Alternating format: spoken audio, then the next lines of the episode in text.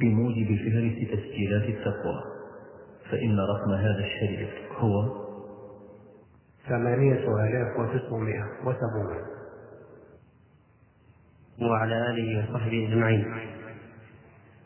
أيها الإخوة السلام عليكم ورحمة الله وبركاته.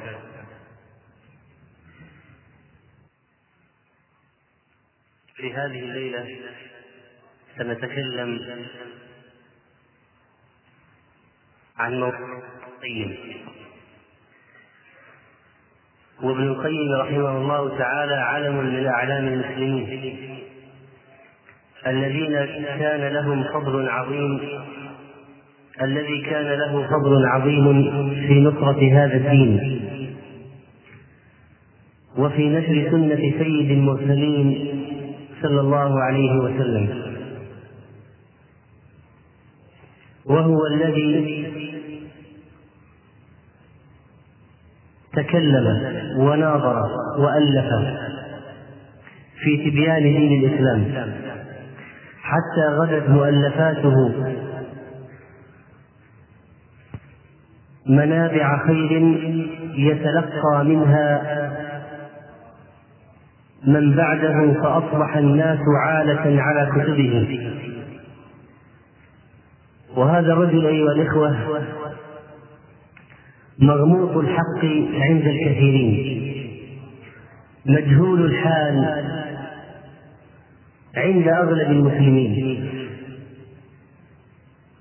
ولعلنا بهذه النبذة التي نقدمها عن حياته ومنهجه وأسلوبه نكون قد قمنا بشيء بسيط من الواجب. نحو هذا العلم الضخم من أعلام المسلمين. أما ابن القيم رحمه الله تعالى فكنيته أبو عبد الله شمس الدين محمد بن أبي محمد بن محمد ابن أيوب بن سعد بن حريز بن مكي الزرعي ثم الدمشقي المشتهر بابن قيم الجوزية رحمه الله. ولد في السابع من شهر صفر من سنة واحد وتسعين وستمائة للهجرة وذكر بعضهم أن ولادته كانت بدمشق وكان والده رحمه الله ناظرا ومشرفا على مدرسة الجوزية التي أنشأها وأوقفها. رحمه الله تعالى. ولأنه ولأن أباه كان مشرفا على هذه المدرسة فكان المشرف يسمى قيما. فاشتهر ابنه بابن القيم رحمه الله. ولذلك يقال على سبيل الاختصار ابن القيم وإلا فإن اسمه ما هو اسمه؟ ها؟ ما هو اسمه؟ محمد وكنيته أبو عبد الله ولقبه شمس الدين ويخطئ من يقول ابن القيم الجوزية وإنما الصحيح ابن قيم الجوزية أو اختصارا ابن القيم. وخلط كثيرون بينه وبين ابن الجوزي وترتب على هذا الخلط إشكالات. منها أن نسبت كتب لابن القيم هو منها بريء. مثل كتاب دفع شبه التشبيه عن أكف بأكف التنزيه وهو كتاب منحرف في العقيدة. وكذلك كتاب أخبار النساء لابن الجوزي. وكان أبوه رحمه الله وأخوه وابن أخيه من المشتهرين بالعلم والفضل. ونشأ رحمه الله في جو علمي وله من الأولاد عبد الله الذي ولد عام 723 للهجرة وكانت وفاته سنة 756 للهجرة وكان ولدا مفرطا في الذكاء وحفظ سورة الأعراف في يومين. وصلى بالقرآن سنة 731 وأثنى عليه أهل العلم بأمور منها غيرته في أمر الله وذكر ابن كثير رحمه الله أن هذا الولد قد أبطل بدعة الوقيد بجامع دمشق في ليلة النصف من شعبان. كان توقد كان توقد نيران ليلة نصف من شعبان بدعة أبطلها ولد ابن القيم رحمه الله هذا. وله ولد آخر اسمه إبراهيم كان علامة نحويا فقيها. شرح الألفية. وابن القيم رحمه الله برع في علوم كثيرة. لا تكاد تحصى وهي سائر علوم الشريعة مثل التوحيد والتفسير والحديث والفقه والأصول والفرائض واللغة والنحو. وكان من المتفننين وتفقه في المذهب وبرع وأفتى ولازم شيخ الإسلام وكان عارفا في التفسير لا يدارى وسمع الحديث واشتغل بالعلم وقال عنه الذهبي رحمه الله عني بالحديث ومتونه ورجاله وكان يشتغل بالفقه ويجيد تقريره. وقال ابن ناصر الدين رحمه الله كان ذا فنون في العلوم وقال ابن حجر كان جريء الجنان واسع العلم عارفا بالخلاف ومذاهب السلف. وقد رحل رحلات لكنها ليست بالكثيرة. فإنه مثلا قد رحل إلى مصر فقال في بعض كتبه وقد جرت لي مناظرة بمصر مع أكبر من يشير إليه اليهود بالعلم والرياسة. والسبب الذي لم يشتهر من أجله ابن القيم في الرحلة أنه قد نشأ بمدينة دمشق. وكانت عامرة بالعلماء وبالمكتبات وبالمدارس وأتى إليها طلبة العلم والعلماء من كل حدب وصور. ولذلك صار ليس هناك داع كبير في الرحلة وخيركم من يأتيه رزقه عند عتبة بابه. وقد حج رحمه الله حجات كثيرة وجاور في بيت الله الحرام. وقال عنه تلميذه ابن رجب حج مرات كثيرة وجاور بمكة وكان أهل مكة يذكرون عنه من شدة العبادة وكثرة الطواف أمرا يتعجب منه. وقد ذكر في عدة كتب مما أشياء مما حصلت له في مكة.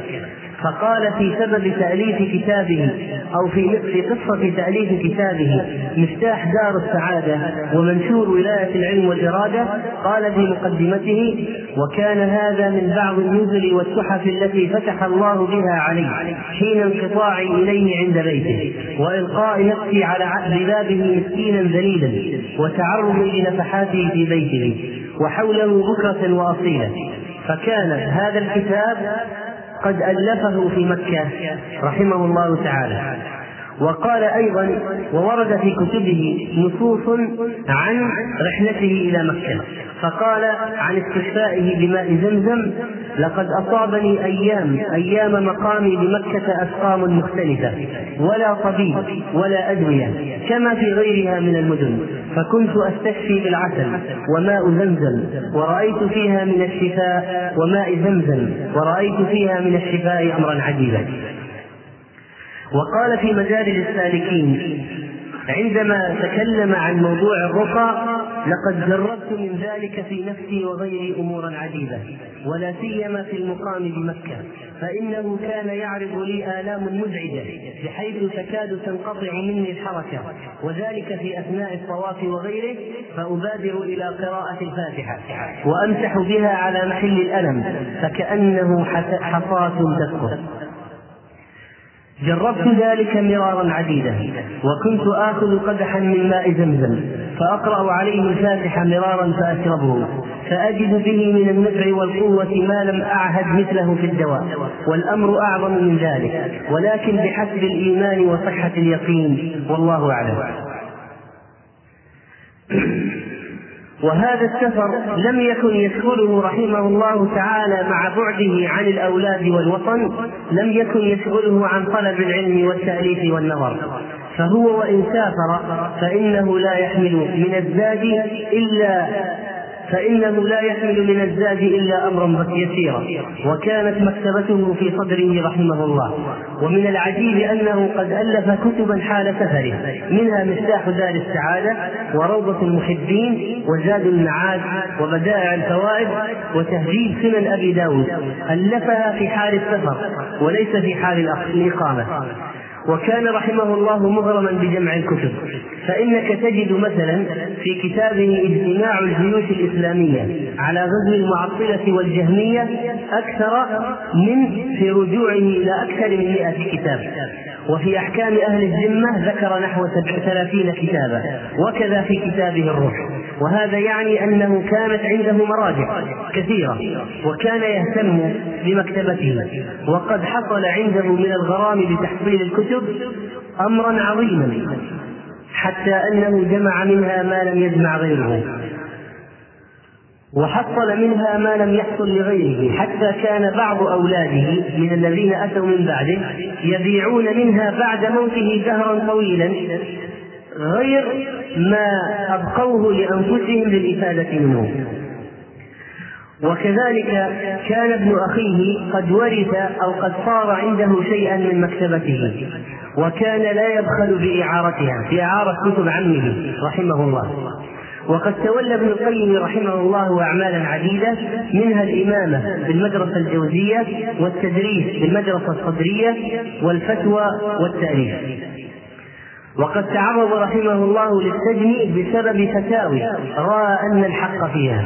مثل مسألة طلاق الثلاث بلفظ واحد ومثل إنكار شد الرحال إلى قبر الخليل حيث يقول ابن رجب رحمه الله وقد حبس مدة لإنكاره شد الرحال إلى قبر الخليل. مع أن شد الرحال إلى قبر الخليل من البدع المحدثه ولا يشرع شد الرحال إلا إلى ثلاثة مساجد المسجد الحرام والمسجد النبوي والمسجد الأقصى. وكل شد رحل لزيارة مكان مكان عبادة أو قبر من القبور أو مسجد من المساجد فإنه بدعة من البدع. فما بالك بما يحدث اليوم من بعض الناس بزيارة أماكن المغضوب عليهم في رحلات سياحية مثل مدائن صالح التي أهلك الله قومها ومن كان فيها وهو عليه الصلاة والسلام. لما مر بها مر مطأطئ الرأس حزينا مسرعا خائفا من عذاب الله. واليوم يشدون الرحلات السياحية إلى تلك الأماكن ولا حول ولا قوة إلا بالله. وعما وأما عن أخلاق ابن القيم رحمه الله فقال ابن كثير كان حسن القراءة والخلق كثير التوجه لا يحسد أحدا ولا يؤذيه ولا يستعيبه ولا يحقد على أحد وبالجملة كان قليل النظير في مجموعه وأموره وأحواله والغالب عليه الخير والأخلاق الفاضلة. ولهذا الطبع المتأصل في نفسه تجده يقول مثلا في بعض كتبه من أساء إليك. ثم جاء يعتذر عن إساءته فإن فإن فإن التواضع يوجب عليك قبول معذرته حقا كانت أو باطلا وتكل سريرته إلى الله عز وجل كما فعل رسول الله صلى الله عليه وسلم في المنافقين. وأما عن تواضعه فإنه كان امرا عجيبا وقد ذكر العلامة الصفدي رحمه الله تعالى ميميته الرقيقة التي يتحدث فيها ابن القيم عن رهنه لنفسه ويفي بتواضعه من خلال أبيات تلك القصيدة. فيقول بني أبي بكر كثير كثير ذنوبه فليس على من نال من عرضه إثمه. بني أبي بكر جهول بنفسه جهول بأمر الله أن له العلم. بني أبي بكر غدا متصدرا يعلم علما وهو ليس له علم. بني أبي بكر غدا متمنيا وصال المعالي والذنوب له هم. بني أبي بكر يروم ترقيا إلى جنة المأوى وليس له عزم. بني ابي أبي بكر لقد خاب سعيه إذا لم يكن في الصالحات له سهم. وأما عن عبادته وزهده فإن من يقرأ مؤلفاته رحمه الله يخرج بدلاله واضحة وهو أنه كان عنده من عمارة القلب باليقين والافتقار إلى الله عز وجل والعبودية أمرا عظيما وتجد في ثنايا كلامه من إنابته إلى ربه والحاجة إليه عز وجل ثروة طائلة. فكان من العلماء العاملين الذين كانوا من أهل الله وخاصته. قال ابن رجب رحمه الله وكان رحمه الله ذا عبادة وتهجد وطول, وطول صلاة إلى الغاية القصوى وتأله ولهج بالذكر وشغف بالمحبة والإنابة والاستغفار والافتقار إلى الله والاصطراح بين يديه على عتبة عبوديته. لم أشاهد مثله في ذلك ولا رأيت أوسع منه علما ولا أعرف بمعاني القرآن والسنة منه وليس هو المعصوم ولكن لم أر في معناه مثله. ولقد امتحن وأوذي مرات وحبس مع الشيخ تقي الدين في المرة الأخيرة في القلعة منفردا عنه. لم يفرج عنه إلا بعد موت شيخه ابن تيمية رحمه الله.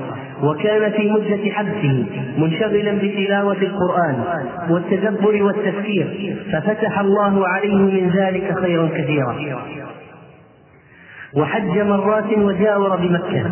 وكان أهل مكة يذكرون عنه من شدة العبادة وكثرة الصواب أمرا يتعجب منه. وقال تلميذه ابن كثير لا أعرف في هذا العالم في زماننا أكثر عبادة منه وكان له طريقة في الصلاة يطيلها جدا.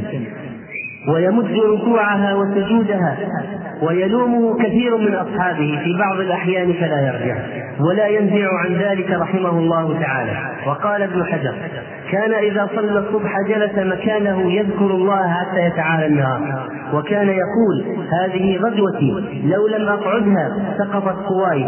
وكان يقول بالصبر والفقه تنال الإمامة بالدين. ولقد حدثت حادثة في حياته رحمه الله تعالى كان لها أثرا عظيما وهي التقاؤه بشيخ الإسلام أحمد بن عبد السلام بن تيمية رحمهم الله تعالى. لقيه في عام 712 للهجرة وهي السنة التي عاد فيها الشيخ ابن تيمية من مصر إلى دمشق ولازمه حتى مات ابن تيمية رحمه الله عام 728 وهذا يعني أنه لازمه ستة عشر عاما. وقد ذكر ابن القيم رحمه الله أنه كان في مبدأ أمره مفتونا بعقيدة الأشاعرة في الصفات وبكلام بعض النفاة وكان له سقطات. فلما خالط شيخ الإسلام اهتدى على يديه. ولذلك يقول في نونيته ابن القيم يا قوم والله العظيم نصيحة من مشرق وأخ لكم نعوان. جربت هذا كله ووقعت في تلك الشباك وكنت ذا طيران. حتى أتاح لي الإله بفضله. من ليس تهزيه يدي ولساني فتى أتى من أرض حران فيا أهلا بمن قد جاء من حران. من الذي جاء من حران؟ ابن تيمية رحمه الله. لأن ابن تيمية حراني من حران. فالله يجزيه الذي هو أهله من جنة المأوى مع الرضوان. أخذت يداه يدي وسار فلم يرم حتى أراني مطلع الإيمان. ورأيت أعلام المدينة حولها نزل الهدى وعساكر القرآن ورأيت آثارا عظيما شأنها محجوبة عن زمرة من عن زمرة العميان ووردت كأس الماء أبيض صافيا حصباؤه كلآل التيجان ورأيت أكوابا هناك كثيرة مثل النجوم لوارد ظمآن ورأيت حول الكوثر الصافي الذي لا زال يشخب فيه ميزابان.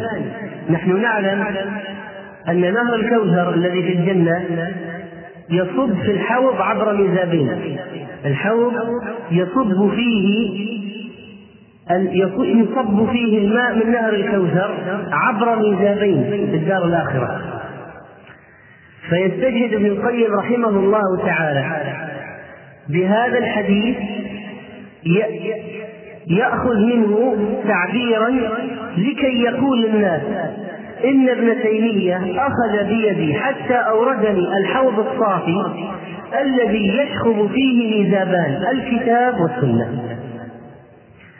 ميزان سنته وقول إلهه وهما مدى الأيام لا ينيان والناس لا يردونه من الآلاف أفراد ذو إيمان إلا من أنعم الله عليه وإلا كثير من الناس تخبطوا كثير من الناس ضلوا كثير من الناس أرادوا الحق فلم يصلوا إليه. وقد اعتنى ابن تيمية رحمه الله تعالى بتلميذه اعتناء كثيرا. وكان يخصه بمزيد من التعليم والتنبه لأحواله والتربية العميقة. ويقول ابن القيم رحمه الله قال لي شيخ الإسلام رضي الله عنه وقد جعلت أورد عليه إيرادا بعد إيراد. أجيب شبهة وأقول أريد الجواب عليها ثم آتي بشبهة وأقول أريد الجواب عليها فقال نصيحة. لا تجعل قلبك للإيرادات والشبهات مثل السفنجة فيتشربها فلا ينضح إلا بها ولكن اجعله كالزجاجة. المصمتة تمر الشبهات بظاهرها ولا تستقر فيها. فيراها بصفائه ويدفعها بطلبته وإلا فإذا أشربت قلبك كل كل شبهة تمر عليك صار مقاما للشبهات. قال ابن القيم فما أعلم اني انتفعت بوصية في دفع الشبهات كانتفاعي بهذه. وقال في مدارج السالكين قال لي شيخ الإسلام ابن تيمية رحمه الله تعالى مرة العوارض والمحن هي كالعوارض والبرد. فإذا علم العبد أنه لا بد منها لا بد من الابتلاء ولا بد من المحنة لم يغضب لورودها ولم يغتم ولم يحزن. وإنما يعلم بأن هذا ابتلاء من الله يريد الله به أن يزيد له في حسناته ويكفر به عنه من سيئاته ويرفع له في درجاته فيحمد الله على المحنة ويحمد ويرشد ابن تيمية رحمه الله تلميذه إلى ترك التوسع في المباحات. يقول ابن القيم قال لي يوما شيخ الإسلام في شيء من المباح هذا ينافي المراتب العليا وإن لم يكن تركه شرطا في النجاة. قال يعني صحيح أن المباحات توسع فيها جائز لكن تركها أولى لأنها تصرف العبد عن الانشغال بما هو أهم وبما هو أفضل. وقد وفى ابن القيم رحمه الله لشيخه وفاء عظيما. فإنه قد ظل يشاركه في أعماله وأحواله حتى آخر لحظة من حياته حتى أنه امتحن وأوذي بسبب شيخه شيخ الإسلام. ودخل معه السجن وجعل في زنزانة منفردة عن شيخ الإسلام. كل واحد فرج عن ابن القيم حتى مات شيخه رحمهما الله تعالى. وأما مذهب ابن القيم رحمه الله فإن كثيرا من أهل العلم ينسبونه إلى المذهب الحنبلي ولكنك إذا دققت في أقواله وفتاويه وجدت أنه رحمه الله يسير على طريقة السلف. في اتباع الادله فيدور مع الدليل حيثما دار سواء كان الدليل في مذهب أحمد أو في مذهب الشافعي أو في غيره كان رحمه الله يلتزم الدليل وكان عنده منهج عظيم ينبغي لكل طلبة العلم أن يقتدوا به وهو أنه كان يبحث عن الدليل وينشد الدليل مع احترام الأئمة. فلا هو بالذي يقول هم جهل رجال ونحن مثلهم. أو هم رجال ونحن رجال. وأنه كان يبحث عن الدليل وينشد الدليل مع احترام الأئمة. فأينما وجد الدليل ذهب إليه. سواء كان ذلك قول أي إنسان كان. فكانت قاعدته مناسبة الدليل مع احترام الأئمة. وكثيرا ما كان يفتي بخلاف المذهب. ومن اللطائف التي حكاها رحمه الله عن شيخه شيخ الإسلام تيمية كان يدرس في مدرسة لرواد الفقه الحنبلي. وكانت المدارس في ذلك الوقت كان يوقف عليها اوقاف توقف عليها اوقاف حتى يصير منها صرف على المدرسة وطلبة المدرسة ورواتب للمدرسين وثمن الكتب والمعيشة وهكذا. فقال بعض من شيخ الإسلام ابن تيمية مرة شيخ الإسلام طبعا كان مجتهدا مع الدليل يدور مع الدليل لا يتعصب لمذهب. قال له أنت أنت تأخذ من وقت هذه المدرسة وواقفها شرف أنها للحنابلة. فقال شيخ الإسلام رحمه الله إنما أتناول ما أتناوله منها على معرفتي بمذهب أحمد لا على تقليدي له. وأنا عالم بمذهب أحمد عارف به وبأصوله. ولقد استخدم ابن القيم رحمه الله أسلوبه الجميل جدا في محاربة التقليد الأعمى.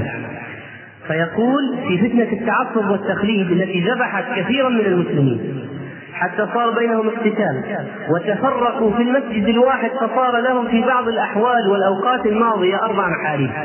يصلي كل أصحاب مذهب في وقت في محراب منفصلين. وكان بعضهم لا يزوج أفرادا من المذهب الآخر. هذا كله نتيجة التعصب الذي ذمه الله ورسوله. ولذلك تجد المجددين أهل العلم ينهون عن التعصب ويحذرون منه. يقول ابن القيم رحمه الله تالله إنها فتنة عمت فأعمت ورمت ورمت القلوب فأصمت. ربى عليها الكبير الصغير وهرم فيها الكبير واتخذ لأجلها القرآن مهجورا وكان ذلك بقضاء الله وقدره في الكتاب مسطورا ولما عمت البلية وعظمت بها الرزية بحيث لا يعرف أكثر الناس سواها أكثر الناس لا يعرفون إلا التعصب ولا يعيرون العلم إلا إياها أو يعدون العلم إلا التعصب.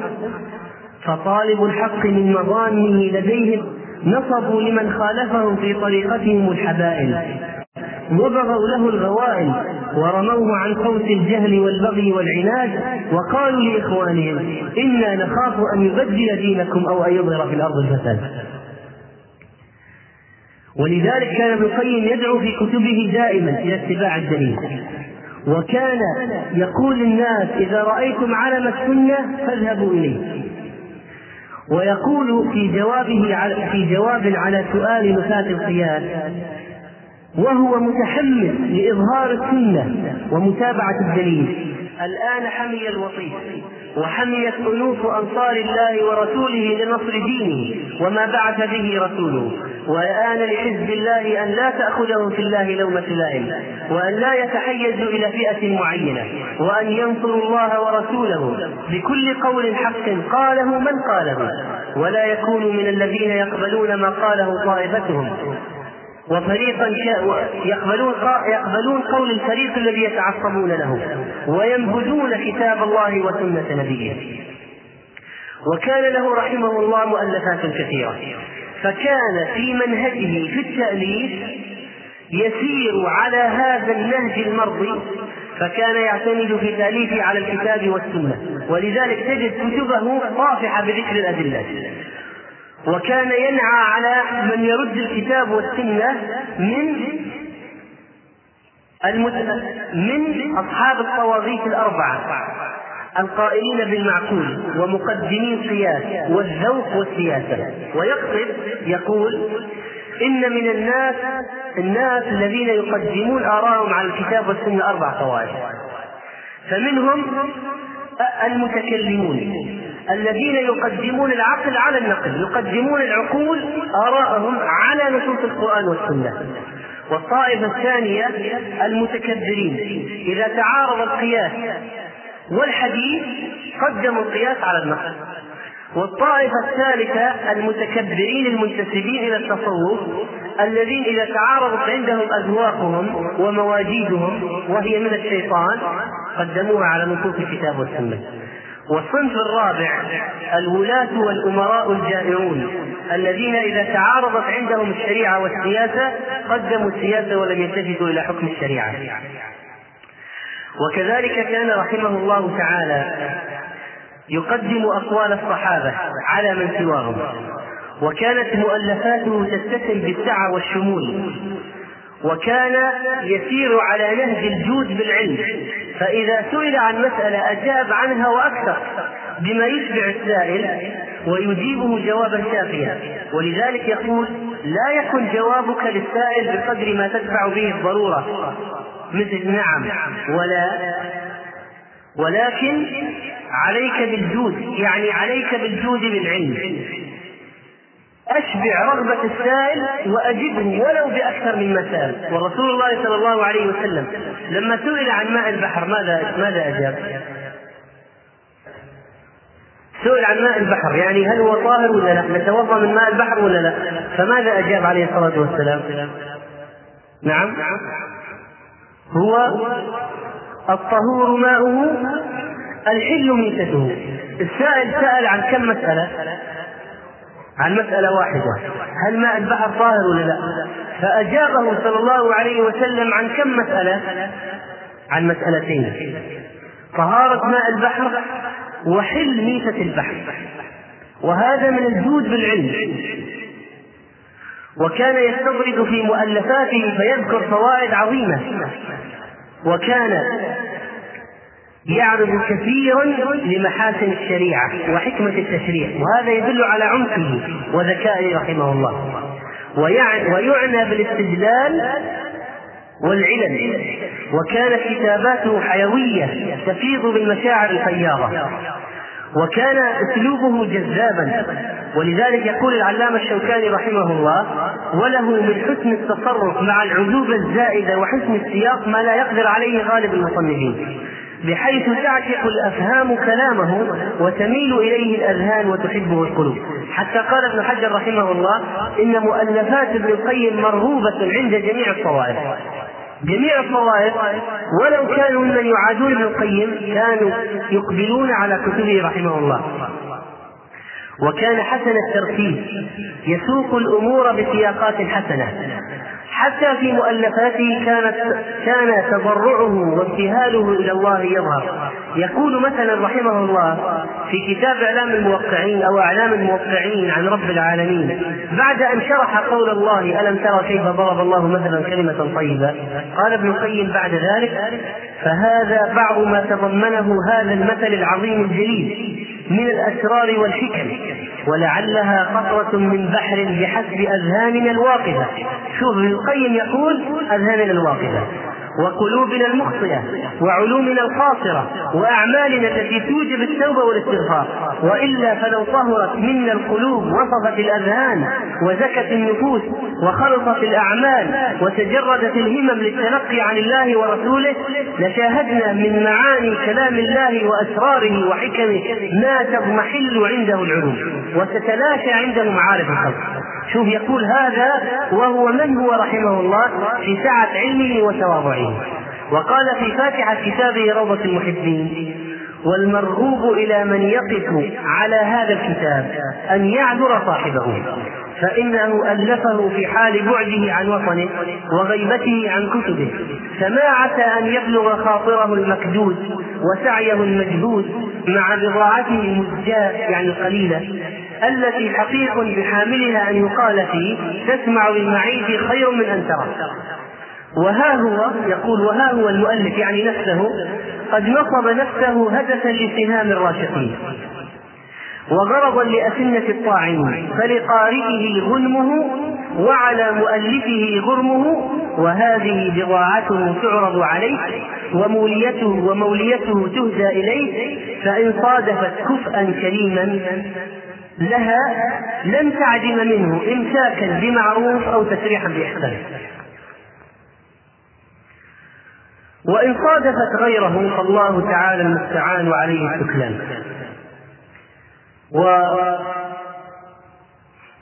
في فاتحة كتاب زاد المعاد. شوف زاد المعاد كم مجلد الآن مطبوع؟ آخر طبعة. خمس مجلدات. خمس مجلدات. ألفها ابن القيم رحمه الله في السفر سفر. بسبب أن رجل سأله عن مسألة في الحج. فتعجب ابن القيم أن رجلا من المسلمين لا يدري عن حكم هذه المسألة فكان ذلك دافعا لتأليف كتابه زاد المعاد في هدي خير العباد. خمس مجلدات مطبوعة الآن. يقول في مقدمة الكتاب وهذه كلمات يسيرة. لا يستغني عن معرفتها من له أدنى نعمة إلى معرفة نبيه صلى الله عليه وسلم. وسيرته وهديه اقتضاها الخاطر المكدود على عجره وبجره. يقول هذا اقتضى خاطري على عيوب خاطري. مع البضاعة المزجاة مع تعليقها في حال السفر للإقامة والقلب بكل واد منه شعبة والهمة قد تفرقت كذا مذر شوف قارن بين هذا الكلام وبين ما يكتبه اليوم الناس الذين ما رسخت أقدامهم في العلم. ولا نبتت ولا نبتت لهم ريش العلم يطيرون به يكتب الواحد على غلاف الكتاب شرحه وحققه. ونهذبه ونقحه وبسطه إلى آخر إلى آخره ويصف نفسه بألقاب المديح وهو لا يصل إلى مقدار أنملة ابن القيم رحمه الله في العلم. ومع ذلك صار عامة كثير من الناس الذين يتطفلون على العلم في هذا الزمان يمدحون أنفسهم في كتبهم. وعلى الغلاف تجد ألفه فلان المدقق الفهامة البحاثة وهو من هو؟ لا يساوي شيئا بجانب علمائنا. وهؤلاء يقولون هذه كلمات يسيرة. خمس مجلدات كلمات يسيرة.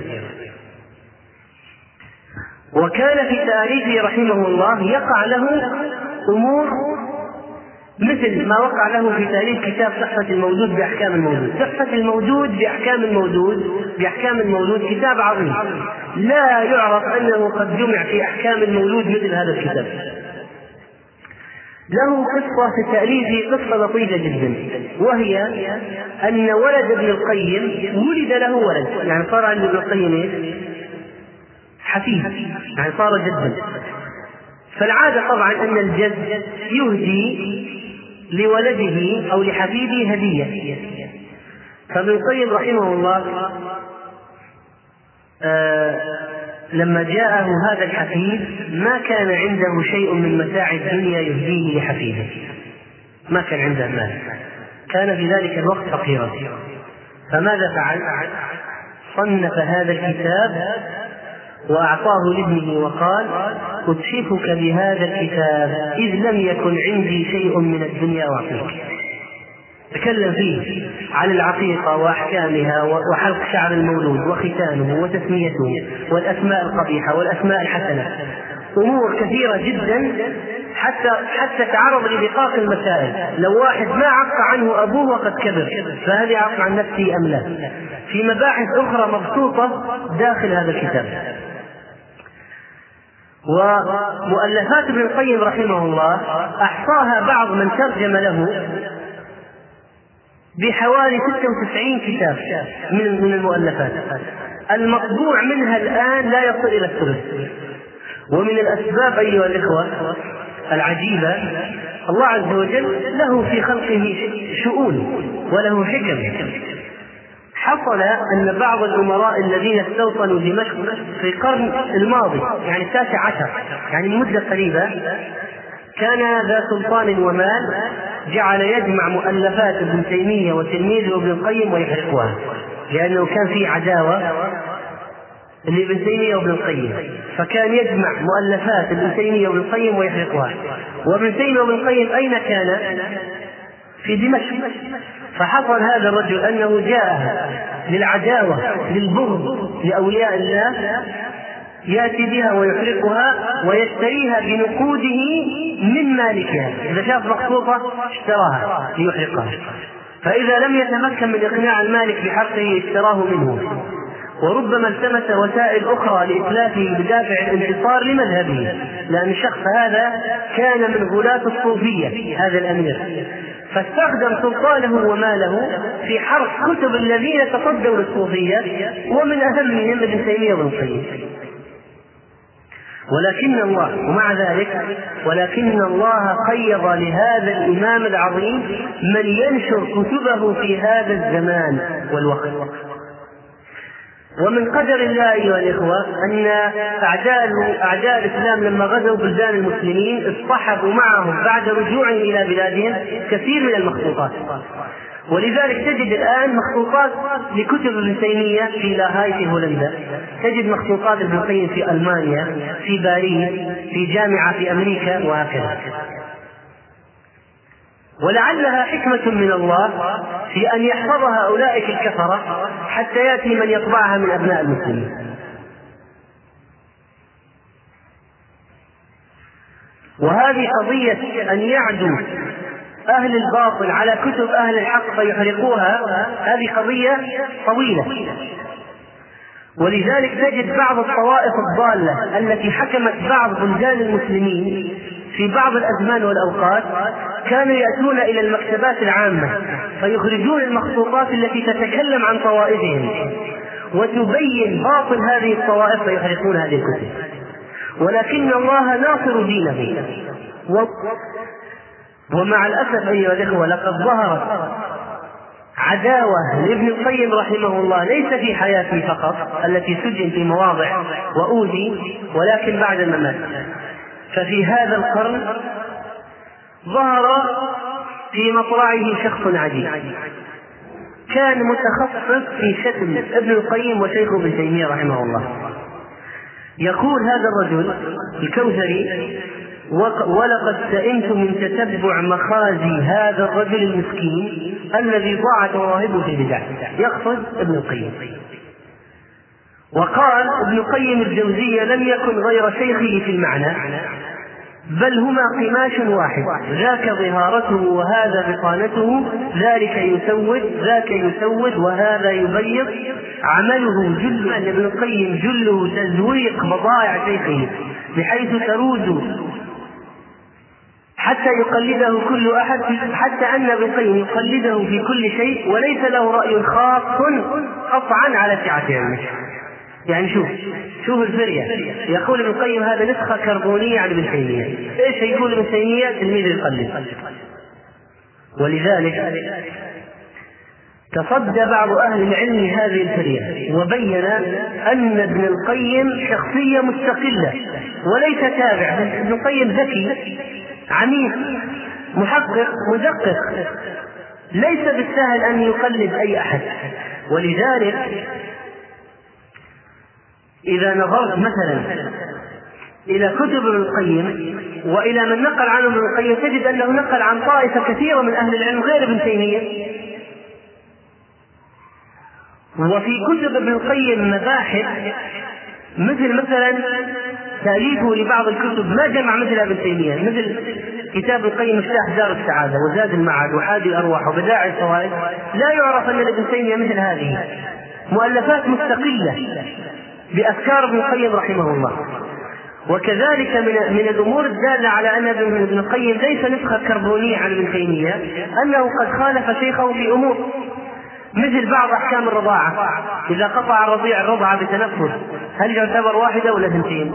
وفي عدة الأمل يائسة وفي اشتباه الأواني وفي مسألة فسخ الحج العمرة إلى حج أو فسخ الحج إلى عمرة نقل قول ابن عباس ثم قال وأنا إلى قوله يعني إلى قول ابن عباس أميل مني إلى قول شيخ الإسلام فإذا ما كان هو مقلد ابن تيمية ولا نسخه عنه ولكن طبيعي أن يستفيد التلميذ من الشيخ وطبيعي أن يأخذ عنه علما غزيرا كما حصل.